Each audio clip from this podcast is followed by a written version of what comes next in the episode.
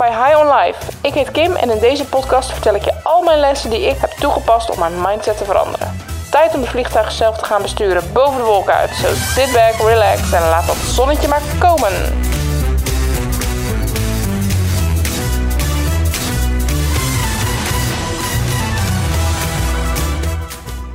Hallo, fantastische luisteraar. Tof dat je weer luistert. Deze aflevering gaan we het hebben over waar ons vliegtuig naartoe gaat. Wat is de bestemming? Hoe ziet het eindpunt er dan precies uit waar we naar op weg zijn? Het wordt een aflevering waarin je de kunst van het dagdromen gaat leren, ik je iets vertel over Sesamstraat en je vooral super excited gaat worden over je eigen bestemming. En natuurlijk heb ik ook aan het eind weer een wonder wat op mijn voicemail stond, om jou en mijn faith in wat we niet kunnen verklaren te vergroten. Maar eerst beginnen we bij de vliegreis. Want het punt is dat we niet echt kunnen vertrekken als we niet weten waar we naartoe vliegen. We moeten weten wat de bestemming is, want wanneer weten we anders wanneer we er zijn? Wanneer weten we dan zeker dat we die cocktail kunnen bestellen en een beetje kunnen genieten van het uitzicht? Ik wil dat je aan het eind van deze aflevering begrijpt waarom het belangrijk is dat we de bestemming bepalen. Ik wil je helemaal super excited krijgen om die bestemming uit te zoeken en ik ga je een beetje op weg helpen om die bestemming vorm te geven. Want weet je, ik maak deze podcast natuurlijk voor al mijn vrienden en kennissen en een paar total strangers in de hoop dat ik iemand help met een vliebertje gelukkiger worden. Maar schrik niet, ik doe het ook voor mezelf. Ik heb namelijk de houvast en de zwart op wit bevestiging nodig aan mezelf dat ik dit ga doen. Dus als jullie mij horen, ik ga het doen. Ik ga het allerleukste leven voor mezelf creëren wat ik kan bedenken. En ik nodig je bij deze dus uit om mee te doen. En ik hoor je hier dus al denken: ja, maar ik ben eigenlijk al mega gelukkig. Ik doe al wat ik leuk vind of wie ik leuk vind. Ik ben gewoon een happy camper in mijn leven. Helemaal tof voor jou. Maar ook ik ben op dit moment gelukkig met wie ik ben. En sinds lange tijd voor het eerst echt gelukkig met wie ik ben. Maar ik weet ook dat ik er nog meer uit kan halen. Of beter gezegd, nog meer heb te geven. Dat ik nog verder kan groeien en dat ik nog meer kan of wil kunnen. Dat ik authentieker kan zijn dan dit. Nog losser of zelfstandiger, vrijer. Meer zoals ik echt zelf zou willen zijn. Ik wil gewoon meer leven, echt leven. Impact maken en met mezelf zijn. En een beetje Pocahontas gevoel krijg ik hier ook van, maar ik meen het echt wel. Er zit nog van alles in het vat en ik merk dat ik er iets mee wil. Er is een drive, een wil, een moed. Het is echt geen jaloezie of afgunst of de angst dat ik iets tekort kom. Het is geen FOMO, de fear of missing out, maar meer extreme YOLO. Want lieve mensen, we leven echt maar once. This is it. En je hoeft je dus echt niet ongelukkig te voelen om een beter leven voor jezelf te willen. Ik ben gelukkig en ik wil er echt graag het beste van maken. En niet te passive-aggressive, nou, we gaan er maar het beste van maken, maar echt het allerbeste van maken. En als je meedoet, vet, mega tof. En zo niet, team, alles prima. En de start is dus het allerleukste leven voor jezelf verzinnen. En je hoort het goed, ik zeg verzinnen. Niet redeneren of uitstippelen op basis van waar we nu zijn of op basis van wat we nu hebben, maar gewoon bij elkaar fantaseren op basis van wie je nu bent. Het wordt een soort dagdroom extraordinair. Dus denk niet aan je huidige bankstatus, woonplek, relatie, leven. Denk aan wat zou ik voor leven willen, ongeacht alles. Fantaseer het gewoon bij elkaar, alsof het verleden er niet toe doet en de toekomst volledig blanco is. Want guess what? Het verleden doet er namelijk niet toe en de toekomst is nog blanco. En elke dag kan alles anders zijn. En op het moment dat je dus weet wat je bestemming is, wat je wilt uit het leven, kun je ook die richting op gaan bewegen. Kansen pakken, de juiste afslag nemen, de juiste mensen aanhaken, gaan. En dit is dus het moment dat we die inner critic in ons moeten negeren. En nou hebben we daar natuurlijk al een beetje mee geoefend in de vorige aflevering. Maar als die van jou een beetje zoals de mijne is, staat hij op dit moment naast je te stuiteren zoals een peuter met drie appelsappen op die iets wil vertellen. Joehoe, leuk dat je iets gaat verzinnen, maar daar ben je toch helemaal niet slim of rijk of getalenteerd of jong genoeg voor? Wie denk je wel niet dat je bent? Je bent helemaal geen Pocahontas of Oprah Winfrey of die gast van Tesla. Belangrijk is dus dat je dit herkent als je inner critic. Weet je nog? Die super irritante persoon waar je überhaupt al geen vrienden mee wilde zijn? Oké, fijn. Die zetten we dus op mute. En ik wil je nog een keertje uitleggen waarom we dat doen. Die inner critic is namelijk gebaseerd op die ene emotie, angst. Weet je, mensen doen al zolang de mensheid bestaat ongelooflijke dingen die nooit eerder gedaan waren. We hebben er echt boeken vol van. Van ontdekkingsreizigers tot nou ja, reizen naar Mars. Geen enkel diersoort op aarde is zo inventief en doorzetterig als de mens. Maar dat we dan niet geloven dat we tot alles in staat zijn wat we ook maar bij elkaar kunnen verzinnen, komt door onze cultuur. We hebben een cultuur, of wat zeg ik, een soort overlevingsmechanisme, wat is ingestoken op angst. Ben je anders, dan word je verstoten van de tribe. En dwaal je van de kudde af, dan word je opgegeten door een mammoet. Nou, in theorie dan. Maar in praktijk kun je afdwalen en een compleet nieuwe tribe tegenkomen. Of misschien wel starten. Maar die angst die houdt ons in de greep. En dus blijven we bij die kudde. En ik zweer het je, ik doe het er niet om, maar we zijn toch echt weer aangekomen bij de mega-metafoor van deze aflevering. Een van mijn favoriete sketches van Sesamstraat is Angsthaas en Stuntkip. En voor de mensen die nu denken, waar gaat dit weer naartoe? Bear with me, hou vol. Ik beloof echt dat het logisch wordt. Goed. Angsthaas is een haas die, zoals je misschien al dacht, angstig is. Hij is een reporter en hij heeft een microfoon en hij maakt dus altijd een reportage over Stuntkip. En Stuntkip is zo'n badass Jim Henson kip met van die super lieve kipgeluidjes. En die geeft dan ook soms antwoord op de vragen van angsthaas, maar meestal niet. En een gemiddelde angsthaas stuntkip sketch gaat als volgt. Angsthaas sjoeft in beeld en gaat aan de kijkers vertellen wat voor super spannend stuntkip gaat doen. En vaak is het echt iets idiootsaais, zoals schommelen of boodschappen doen. En Angsthaas somt dan op de voorgrond alle dingen op die hier spannend aan zijn en die mis kunnen gaan en waarom het zo super gedurfd is van Stuntkip. En Stuntkip, ja, die doet dan gewoon de boodschappen of die schommelt wat, een beetje zo pok, pok, tokkelend. En verder gebeurt er dan niks. En angsthaas is dus waar onze samenleving op gebaseerd is. Angsthazen worden zelfs beloond, gevierd. We geven elkaar schouderklopjes wanneer we elkaar wijzen op wat er allemaal mis kan gaan. En we zijn vooral heel trots op onszelf als we een ander hebben weten te behoeden voor iets. De angsthazen krijgen een microfoon en ze mogen de verslaglegging doen. En ze worden ook nog eens het meest gehoord. Angsthaas is het deel in ons wat op de automatische piloot gaat en geen bestemming heeft. Angsthaas zit bij de nooduitgang met de flyer op schoot, oordoppen in en heeft maar één doel: niet neerstorten. En ik zeg dus niet dat je een watje bent wanneer je een angsthaas bent. Of dat de stuntkippen beter zijn en de angsthazen losers. Nee, ik denk dus dat je beide in je hebt. Part stuntkip en part angsthaas. En dat het altijd een beetje zoeken is naar balans, maar dat het de kunst is om die balans dus niet door te laten slaan. Kijk, angsthaas is natuurlijk de persoon die we het liefste zijn, want die is veilig. En veilig is goed. Veilig behoedt ons van honger of kou, armoede, pijn. Angsthaas weet precies hoe dingen in elkaar steken. En wat slim is en wat niet. En vooral hoe je een beetje smooth je leventje doorzeilt. Geen storm, geen wind, geen wolken. Dus vaak heeft angsthaas de grootste macht. En vergis je niet, de mensen die hun innerlijke angsthaas de leiding hebben gegeven, zijn er echt veel. Er zijn zoveel mensen die in die baan blijven hangen, die ze helemaal leegzuigt qua energie, of bij die partner blijven, die alleen maar lelijke dingen zeggen tegen ze. Of je hoort angsthazen ook regelmatig advies om je heen geven, zoals Oh, ben je ondernemer? Nou, dat is wel lastig. Dan weet je eigenlijk nooit of je wel iets verdient elke maand. Kun jij dan wel een huis kopen? Of, um, nou, als je je niet in één ding specialiseert tijdens je studie, is er sowieso straks geen baan als je klaar bent. Of misschien heb je wel eens gehoord: Oh, geen kinderen? Ach, wat jammer voor al die neefjes en nichtjes. En wie moet er dan voor je zorgen als je oud en grijs bent? Eh, pardon? Angsthazen gedijen lekker in daily life, omdat onze dagelijkse cultuur helemaal is ingebakken op die angst. Het is waarom programma's zoals The Voice of Boer zoekt vrouw of Ik vertrek zo populair zijn. We zien stuntkippen die het nest durven te verlaten en soms falen ze, waardoor die angstige vermoedens weer in één klap bevestigd worden.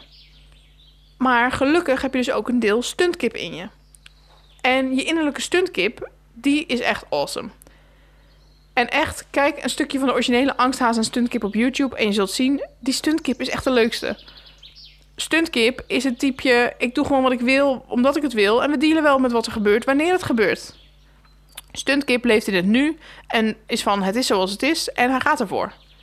En het stuntkip deel in je is het deel wat toch ontslag nam. Of toch die auditie deed. Of toch naar de KVK fietste. Of toch lekker ging samenwonen. Ook al kenden die elkaar nog maar drie maanden.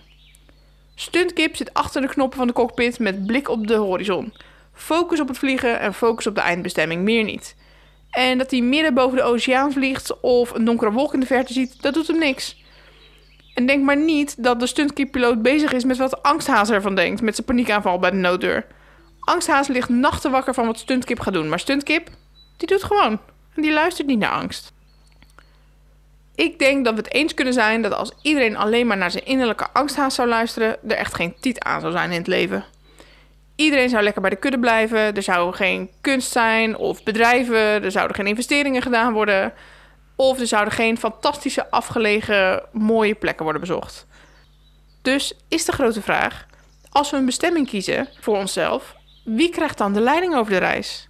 Luister je naar je angsthaas of doe je wat de stuntkip doet? Je innerlijke stuntkip wat meer bewegingsvrijheid geven is niet makkelijk. Angst is nou eenmaal zo verankerd in wie we zijn dat het moeilijk is om angst geen macht te geven over je. Maar wat mij hielp is om angst te zien voor wat het is: iets wat niet bestaat. Niet nu, op dit moment. Angst is iets wat we geheel verzonnen hebben. Het leeft in iets wat al is geweest en richt zich op iets wat nog moet komen. Maar op dit moment is er, denk ik, weinig acuuts aan de hand. Vroeger was het anders natuurlijk, toen we in oermensmodus waren. Maar in onze huidige samenleving, waarin we een ja, relatief veilig leven leiden, is angst totaal overbodig. We lijden niet zo snel meer honger. Veel van ons hebben een huis en een haard. En de mammoeten hebben we ook van ons afgeschud. En heel soms gebeurt er iets super ergs en dan heeft angst de juiste functie. Angst zet je namelijk terug in oermensmodus. Je besluit of je vecht of vlucht of als een soort dood dier op de grond gaat liggen. Maar mocht het zover komen, dan neemt je oerbrein dus echt wel over hoor. No worries. Maar de functie van angst in ons dagelijks leven is dus volledig veranderd. Angst verstoort ons nu, op dit moment, omdat we dus bezig zijn met wat er is geweest of met wat er nog gaat komen. Een paar weken geleden moest ik mijn verstandskiezer laten trekken. Rechts voor de kijkers links had ik 13 jaar geleden laten trekken. Je hoort het goed, 13 jaar. 13 jaar geleden liet ik niets vermoedend mijn kiezer trekken en achteraf weet ik niet of ik niet goed geïnformeerd was of gewoon alles genegeerd had. Maar ik voelde me compleet overvallen. Ik was overvallen door de prikken voor de verdoving, die niet heel fijn waren. En het geweld waarmee de kiezen getrokken werden. En de complete terror aan emoties die ik in dat kwartiertje ervaarde. En de mega aardige dokter zei nog bij het weggaan: En maak nog even een afspraak hè, voor die andere kant. Dan heb je het gelijk gedaan. En ik zei: Uh huh. Maar ik dacht: Ja, dag. Ik haalde nog snel mijn ibuprofen bij de apotheek en weg was ik. En het duurde dus 13 jaar voordat ik genoeg moed had om weer te gaan. Als in mezelf genoeg schrap had gezet voor de terror die ik moest ondergaan. Ik had die nacht ervoor amper kunnen slapen uit angst. Ik had de afspraak extra vroeg gepland, zodat ik mezelf er niet uit kon praten. Dat was om 8 uur ochtends. En ik hield mezelf voor dat hoe erg het ook was, het maximaal de volle lengte van Bohemian Rhapsody zou duren. Ik had, of course, weer een super aardige en lieve arts, die alles heel rustig met me doornam. Ik onderging de prikken met tranen in mijn ogen, maar eigenlijk viel het me niet heel erg tegen. En het trekken van mijn kiezen ging eigenlijk razendsnel. Veel korter dan Bohemian Rhapsody. Het was zo snel dat ik daarna, toen de dokter vrolijk zei dat het super ging en dat hij me een fijne dag wenste en de deur uitstapte, ik keihard moest huilen. En niet van de pijn, misschien moeheid, deel van de spanning, maar eigenlijk vooral omdat ik totaal niet was wat ik dacht. Het was niet intens en het was niet met grof geweld zoals ik me had herinnerd, maar het was eigenlijk prima oké. Ik had me dus helemaal schrap gezet voor iets wat er niet was. En dat had me niet eens een beetje geholpen. Het had me alleen maar moe en emotioneel en paniekerig gemaakt. De situatie verergert. En dit is dus wat angst doet. Je zet je schrap voor dingen die er niet zijn en verpest of verergert daarmee de dingen die er nu wel zijn. De dingen waar je bang voor bent, zijn er op dit moment niet. Ze liggen al achter je, zijn eerder een ervaring uit het verleden die je wilt vermijden. Of ze staan nog voor je als een soort donderwolk op weg naar geluk. Maar nu, right now, op dit moment, daar waar je bang voor bent, is dat er dan echt? Of is het een scenario wat jij in je hoofd bouwt en voedt en waar angsthaas de voice-over van aan het inspreken is? En angst afschudden is echt rete moeilijk, want deze les had ik dus ook al op zak tijdens die kiezen trekken. Maar het begrijpen is natuurlijk niet hetzelfde als het voelen of vervolgens doen. Maar wellicht kunnen we hier elkaar een beetje bij helpen. Als iemand om je heen zijn angsthaast niet de baas kan, haal hem dan naar nu. En wanneer je dus jezelf bewust in het heden zet, in de now, is er geen plek voor je innerlijke angsthaas.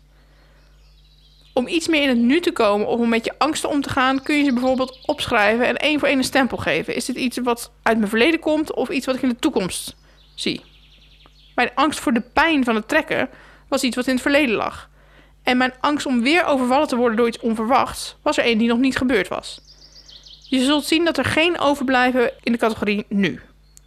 En ik ga in de toekomst zeker nog een aflevering maken over angst. Want angst is dus echt een peren interessante en ingewikkelde emotie. Maar voor nu kan ik je alleen de tip geven om zoveel mogelijk in het nu te blijven. En als je soms even wilt zien hoe het is om helemaal in het nu te zijn, kijk dan eens naar kleine peuters. Zij kunnen namelijk niks anders dan in het nu zijn. Denk aan zo'n kindje van een jaar of twee, drie, waarbij zijn broertje of zusje zijn speeltje afpakt. Kindje huilen, speeltje terug, kindje stil. En dat dan nog vijf keer. Huilen, stil, huilen, stil. Het is alleen maar in het nu. Of kijk naar een dier, bijvoorbeeld hoe een hond of een kat zich volledig bezighoudt met wat er op dit moment is. Oeh, brokjes. hey, lichtstraal. Wow, pluisje. hey, mijn baasje. Hmm, dorst. Kommetje om. Oh, natte pootjes. Don't care. Woe, rondje rennen. Het zijn geboren stuntkippen die alleen maar in het nu leven en de wereld precies nemen zoals je op dit moment komt. Perfecte mentors, toch? Goed, terug naar onze vliegreis. Stuntkip-pilootmodus aan, want des te verder gaan we komen. We gaan een fantastisch leven voor onszelf verzinnen, zonder plek voor angsthaas. Angsthaas gaat namelijk over hoe komen we daar dan? Maar stuntkip gaat over de eindbestemming, over die stip aan de horizon. En zie het even echt als een soort reis die je wilt maken. Om een reisplan te kunnen maken, begin je met een bestemming. Je weet waar je heen wilt en je gaat daarna rekenen wat het kost, met wie je gaat en wat je daar gaat doen en welke bikini je meeneemt. En pas wanneer je dat weet, en dan alleen dan, ga je de rest uitzoeken. Dan pas ga je op zoek naar de tickets en zoek je de juiste verblijven uit of de restaurantjes. En je kijkt misschien al of bijvoorbeeld jouw favoriete eten sushi ook daar bestaat, wat echt de cherry on top zou zijn. Maar geen tel denk je, oh, misschien hebben ze wel helemaal geen restaurantjes daar. Of misschien is het strand er wel niet als we aankomen. En misschien kan die persoon die je graag mee wil nemen wel helemaal niet. Of moet je wat schuiven met data. Maar dat jij die reis gaat maken, staat vast. En zo gaan we het dus doen. We beginnen met het plan. En de tickets en de kosten, het vervoer, de specifieke boekingen, de restaurantjes, die komen later wel. Vertrouw hierop maar even in reisleider Kim. Want wat ik je dus ga vertellen, is dat het leven wat we voor onszelf gaan verzinnen, wel degelijk bereikbaar is. Alleen, het hangt allemaal aan elkaar vast om te kunnen slagen. Dus om dat leven te bereiken, moet je het echt, echt, echt willen. En om het te willen, moeten we dus super specifiek worden over wat voor leven dat dan is. En om super specifiek te kunnen zijn, moeten we dus heel erg weten wat we diep van binnen willen. Uh, hallo, bent u er nog? Een lange vakanties en veel geld op de bank is dus niet genoeg. Of beroemd en rijk, het is veel te algemeen. En het is ook niet genoeg om super excited van te worden. Sure, ik wil best beroemd zijn, maar wil ik mezelf echt iedere dag naar audities slepen en kritiek krijgen op wat ik doe? En oefenen en oefenen en dan falen op tv? Wil ik dat dan echt, echt, echt? Ben ik bereid om te verhuizen voor mijn werk en beoordeeld te worden op mijn uiterlijk en onder vuur te liggen voor bepaalde programma's die ik maak? Om nergens meer over straat te kunnen en overal mening over te moeten hebben? Mm, nou, in het geval van mezelf, not really. Hoe specifieker je het maakt, des te sterker voel je of je het echt wilt. En reken maar dat het haalbaar is, zolang je de dedication hebt. Als je van binnen voelt, ik wil echt op tv, want ik wil miljoenen mensen inspireren met mijn programma's. Mensen vertellen en leren over andere mensen en culturen. En andere mensen helpen om verder te komen in het leven. En als ik dat dan doe, dan geeft me dat superveel voldoening. En dan voelt het alsof ik mijn purpose in life vervul ja, dan wil je het echt. Maar Oprah werd ook niet zomaar Oprah. Of die man van Tesla werd ook niet zomaar die man van Tesla. Alle mensen die iets hebben bereikt. Alle superstuntkippen die geslaagd zijn in wat ze wilden voor zichzelf, die we kennen. Al die mensen die zijn daar vanwege hun doorzettingsvermogen. Hun dedication om door te ploeteren, blik op de horizon, ongeacht de tegenwind of de donkere wolken in de verte. Mindset, dedication en een bestemming. En of je nou de nieuwe vrouwelijke president van Amerika wilt worden of je wilt laten omscholen tot muziekleraar, wat je dus ook verzint voor jezelf, zorg dat je het echt, echt wilt. En hoe specifieker je het dus maakt, des te sterker dat je dit voelt van binnen. Nou, en hoe gaan we dit doen? De beste tip die ik kreeg was: schrijf a day in a life van je droomleven. Je wordt wakker op de perfecte dag van het perfecte leven. En dan? En begin gewoon met simpele dingen. Wat heb je aan? Welk tijdstip van de dag is het? In wat voor ruimte ben je? En waarom mocht je uitslapen? Oh nee, wacht, dat is mijn perfecte dag. Het mag goed een paar kantjes zijn. Fantaseer er gewoon op los, alsof je een filmscript schrijft met jezelf in de hoofdrol. Wees gedetailleerd en maak het desnoods uur voor uur. Denk niet aan wat je allemaal niet kan of wat je niet hebt, maar denk aan wat je zou willen doen als geld, tijd en ruimte geen probleem zouden zijn. En geen paniek, je mag alles nog bijschaven. Dat je vandaag een liefde hebt voor muziekles geven, maar over twee jaar niets anders doet dan een podcast maken, is nu even ondergeschikt. De wil of drive die erachter zit, blijft namelijk hetzelfde. Je wilt iets delen met anderen. En die onderliggende drive gaan we straks uitfilteren, maar eerst het leukste deel: dagdromen. En wat ik zei, je mag hier best even de tijd voor nemen, want deze ultieme dag is uiteindelijk de basis voor alles wat hierna volgt. En als ik zeg de basis voor alles wat hierna volgt, dan bedoel ik dat niet voor mij, hè? En ook niet voor de podcast of die vliegreis, maar vooral in de big picture voor jezelf. Dit is jouw startpunt. Dit is de blauwdruk waar je bloed straks harder van gaat stromen, waar je vlinders in je buik krijgt en waar je een soort grote kracht achter voelt, zoals het Jumanji-spel. Maar dan positief. Maar dan wel met zo'nzelfde idiote force, als een soort kuddeneushoorns. Dit gaat het begin zijn. Dus neem je tijd. We beginnen met die ene fantastische, perfecte dag. Ik zal een deel van mijn eigen perfecte dag voorlezen als voorbeeld. Ik word wakker in een mooi bed in een blauwe kamer. Ik doe mijn ogen open en zie twee mooie grote ramen die uitkijken in de natuur. Een lavendelveld. We zijn in ons huis in het buitenland, ergens in Italië. De zon schijnt op mijn bed en ik soezel nog even in de zon. Dan komt mijn partner binnen met een theetje en de krant. We doen wat kleren aan, keuvelen wat en settelen ons in de grote stoelen die in de slaapkamer staan. Voetjes op tafel, zonnetje erbij, thee en een puzzeltje. Mijn partner stelt voor om het eten te maken die avond en ik vertrek naar mijn atelier aan de andere kant van het huis. Het is een soort aangebouwde kas. Het is hier niet zonnig, maar wel licht. Perfect dus. Ik ga een poosje voor mijn enorme blauwe inspiratiemuur staan en neem de beelden in me op. Walvissen, felle kleuren, wind, natuur. Ik zet de deuren naar de tuin open en laat de wind binnenkomen. Tegen de andere muur staat een diepe wasbak met verschillende potten met kwasten. Ik besluit verder te gaan met een doek waar ik al eerder aan had gewerkt. Een blauw werk met een soort witte bubbels. Best abstract voor mijn doen. Ik leg het plat op twee schragen en begin met het mengen van verf, op zoek naar de juiste kleur. Er is een rek vol verfbussen en kwasten en een soort werkbank met gutspullen en een pers. Ik check gelijk even de afdrukken die ik gisteren gemaakt heb, maar ze zijn nog niet droog. Ik maak afdrukken in opdracht en verkoop ze per set aan winkels en particulieren. Wanneer mijn verf precies de juiste kleur heeft, giet ik er een hele laag van op mijn schilderij. Ik laat de bol drogen en werk tot de lunch aan werken die ik nog heb staan. Dromerige werken met veel kleur en fantasie. Altijd vol leven. Lunch is een lekker geroosterd broodje met oude kaas en pesto. Zo lekker hebben we hem vaak niet eens thuis. Mijn partner heeft een rondje gefietst in de omgeving en vertelt dat hij zo even de boekingen gaat bijwerken voor volgende week. Dan begint namelijk onze gastenweek, waarin we zes gasten gaan ontvangen. We koken samen en overdag mogen de gasten dingen maken in het atelier of gewoon de omgeving verkennen. We doen dit zo'n zes keer per jaar en het is naast erg leuk ook mooi om te zien wat zo'n week kan opleveren bij iemand. Iemand groeit, maakt of ontspant en gaat vol energie en lessen weer naar huis. Na de lunch ruim ik mijn atelier op, check ik de voorraad en maak ik een lijstje voor wat ik volgende week nodig heb en moet doen. Samen vertrekken we richting het dorp om de boodschap in huis te halen. Hout hebben we genoeg, maar terwijl ik naar de art supplies zaak loop, gaat mijn partner even neus in de boekenwinkel. We besluiten een klein koffietje te doen op het terras, voor we ons avondeten bij elkaar gaan scharrelen op de lokale markt. Het zonnetje schijnt en er gebeurt van alles in het dorpje waar we wonen. Inmiddels zijn de mensen bekend en lachen en praten we met verschillende verre buren. We kunnen de taal inmiddels redelijk goed. We rijden naar huis met onze gave auto met de ramen open en wind in mijn haar. We zingen mee met de radio. Thuis steek ik het vuur aan van onze houtoven en proosten we met een wijntje. Die hebben we op de terugweg nog opgehaald bij de buurman. Hij verbouwt wijn en is altijd benieuwd wat we van zijn nieuwe jaargang vinden. Het begint al lekker rozig te worden in de lucht en de kleuren zijn prachtig. De poes komt erbij en we soezelen samen op het terras. Na een heerlijke avond met vuur en lekker eten, inclusief de verse mozzarella van de markt en de tomatenstoof met balsamico, lopen we naar binnen. In Nederland heb ik ook een atelier, maar anders dan in Italië.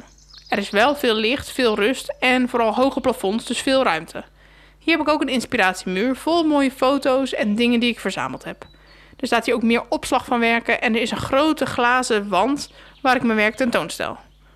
Ik gebruik mijn winters in Nederland om mijn kunst te verkopen, schilderij tentoon te stellen en mijn lino-afdrukken te verkopen. Ik geef een deel van mijn geld weg aan feministische clubs zoals Women Inc. en Damn Honey, die daarmee weer hun nieuwe YouTube-programma hebben kunnen financieren en zo een platform voor jonge vrouwen hebben opgericht. Ik help Women Inc. met het oprichten van een politieke partij waarmee we in Den Haag een verschil gaan maken. Ik geef soms inspiratiespeeches voor jonge meiden en ondernemers in creatieve beroepen en neem ieder jaar een stagiaire aan om te laten zien hoe ik werk. Ik help wanneer het nodig is mijn familie financieel. We hebben een fantastisch leven. Nou, deze perfecte dag is natuurlijk gigantisch persoonlijk en subjectief. Ik mag hopen dat jouw dag er voor jou compleet anders uitziet. Maar ik wilde hem als voorbeeld delen om te laten zien wat ik hier aan informatie heb uitgehaald voor mezelf. Zodat jij straks dat met jouw dag kan gaan doen. Als ik die perfecte dag voorlees, voel ik heel erg veel. Ik krijg een soort kriebel in mijn buik over het feit dat dit leven, wat ik zo schets, zou kunnen bestaan. En telkens als ik het lees, dan denk ik een beetje: oh my god. Ik heb echt een soort glimps opgevangen van de Kim die ik kan zijn. De tofste, gaafste en leukste Kim die in mij zit. En ik voel me dus ook meteen instant awesome. In dit scenario klopt alles voor mij. Ik doe en eet en maak en ben het allerleukste en fijnste wat ik kan verzinnen. Maar waar zit hem dat dan in? En waar zit hem dan precies in? Maakt het uit dat het Italië is of mag het ook Spanje zijn? Of Nederland? En maakt het uit dat het schilderen is of mag het straks ook kantklossen zijn? Maakt het uit dat ik een kat heb en geen hond of dat we wijn halen of kaasjes? Ik heb voor mezelf eerst geprobeerd te voelen over welke dingen ik me het sterkst voel. En dat doe ik dus door dingen te vervangen. Nou, wijn, kaas, aardbeien. Natuurlijk maakt het allemaal niks uit. Het gaat om het gevoel erachter. De spontane activiteit, de vrijheid, het plezier. Dus start met dat verhaal. Begin gewoon met typen, print het uit, lees het een paar keer voor het slapen gaan en bedenk waar je elke keer weer naar uitkijkt. Welk moment je heerlijk vindt. Je mag het weer herschrijven en bijschaven, maar dit is dus stap 1 je day in a perfect life omschrijven. En het mag zonder filter, want het is dus alleen voor jezelf. Tenzij er natuurlijk een podcast over begint en dan de helft moet schrappen omdat het niet suitable is voor work. En als je je verhaal af hebt en er net als mij zo'n soort kriebel van in je buik krijgt, dan is het tijd om eens te kijken naar stap 2. Voelen waar je nou het meest enthousiast over raakt. Want dat zijn dus de elementen die bij je bestemming horen. We gaan dus op basis van ons verhaal bepalen wat is nou de bestemming en wat zijn dan de restaurantjes en het strand en de bikinis? De wijn van de buurman valt absoluut niet onder de bestemming, maar de vrijheid om dat te doen zeker wel. Mijn bestemming bestaat uit woorden zoals ondernemen, creëren, delen, maar ook bijvoorbeeld quality time en rust, ruimte en zinvolheid. En als ik dan nog een laagje dieper ga en kijk waarom ik dit wil, echt wil, wil, dan is het omdat deze dingen het beste in mij naar boven brengen. Als ik dit bereik, dan voel ik me trots en ik voel een rijkdom. Ik voel ontspanning, liefde en blijheid. Wanneer ik mijn verhaal lees, heb ik echt het idee dat ik er het aller, allerbeste van heb gemaakt. En het doel is dus excited worden van de persoon die je kan gaan zijn. En heel helder en duidelijk krijgen voor jezelf waar dat hem nou in zit. Hoe we daar komen, gaan we in de andere afleveringen bespreken. Het liefst zou ik echt ook meteen stap 3 tot en met het einde al willen vertellen. Maar dan wordt A, de podcast veel te lang. En B, ik denk dat het goed is dat we dit even laten bezinken. En let maar op, als jij straks jouw verhaal klaar hebt en je hebt je bestemming in zicht, dan sta je net als mij te popelen om aan de slag te gaan. Maar jij moet nu eerst aan de slag met die fantastische dagdroom. En je angsten de juiste stempels geven. En natuurlijk even op YouTube angsthaas en stuntkip checken. Ik ga ondertussen rustig verder met de voorbereidingen voor de volgende stap. Maar neem je tijd, want de volgende keer ga ik je eerst alles vertellen over het luchtruim en waarom ik weet dat ons vliegtuig echt kan vliegen, ook al kunnen we de wind niet eens zien. En wat daarbij ook helpt, luisteren naar het wonder op mijn voicemail. Of ook je eigen modern day miracle met mij delen. En onthoud dus, zet die angsthaas op mute. En in de tussentijd kun je dan bij mijn stuntkipper Tribe lekker aansluiten. Of niet, alles prima. Mocht je iets willen melden of willen weten, stuur me gerust een berichtje via @high_online_podcast op Instagram. En dan voor nu, heerlijk genieten van die dagdroom. Doei!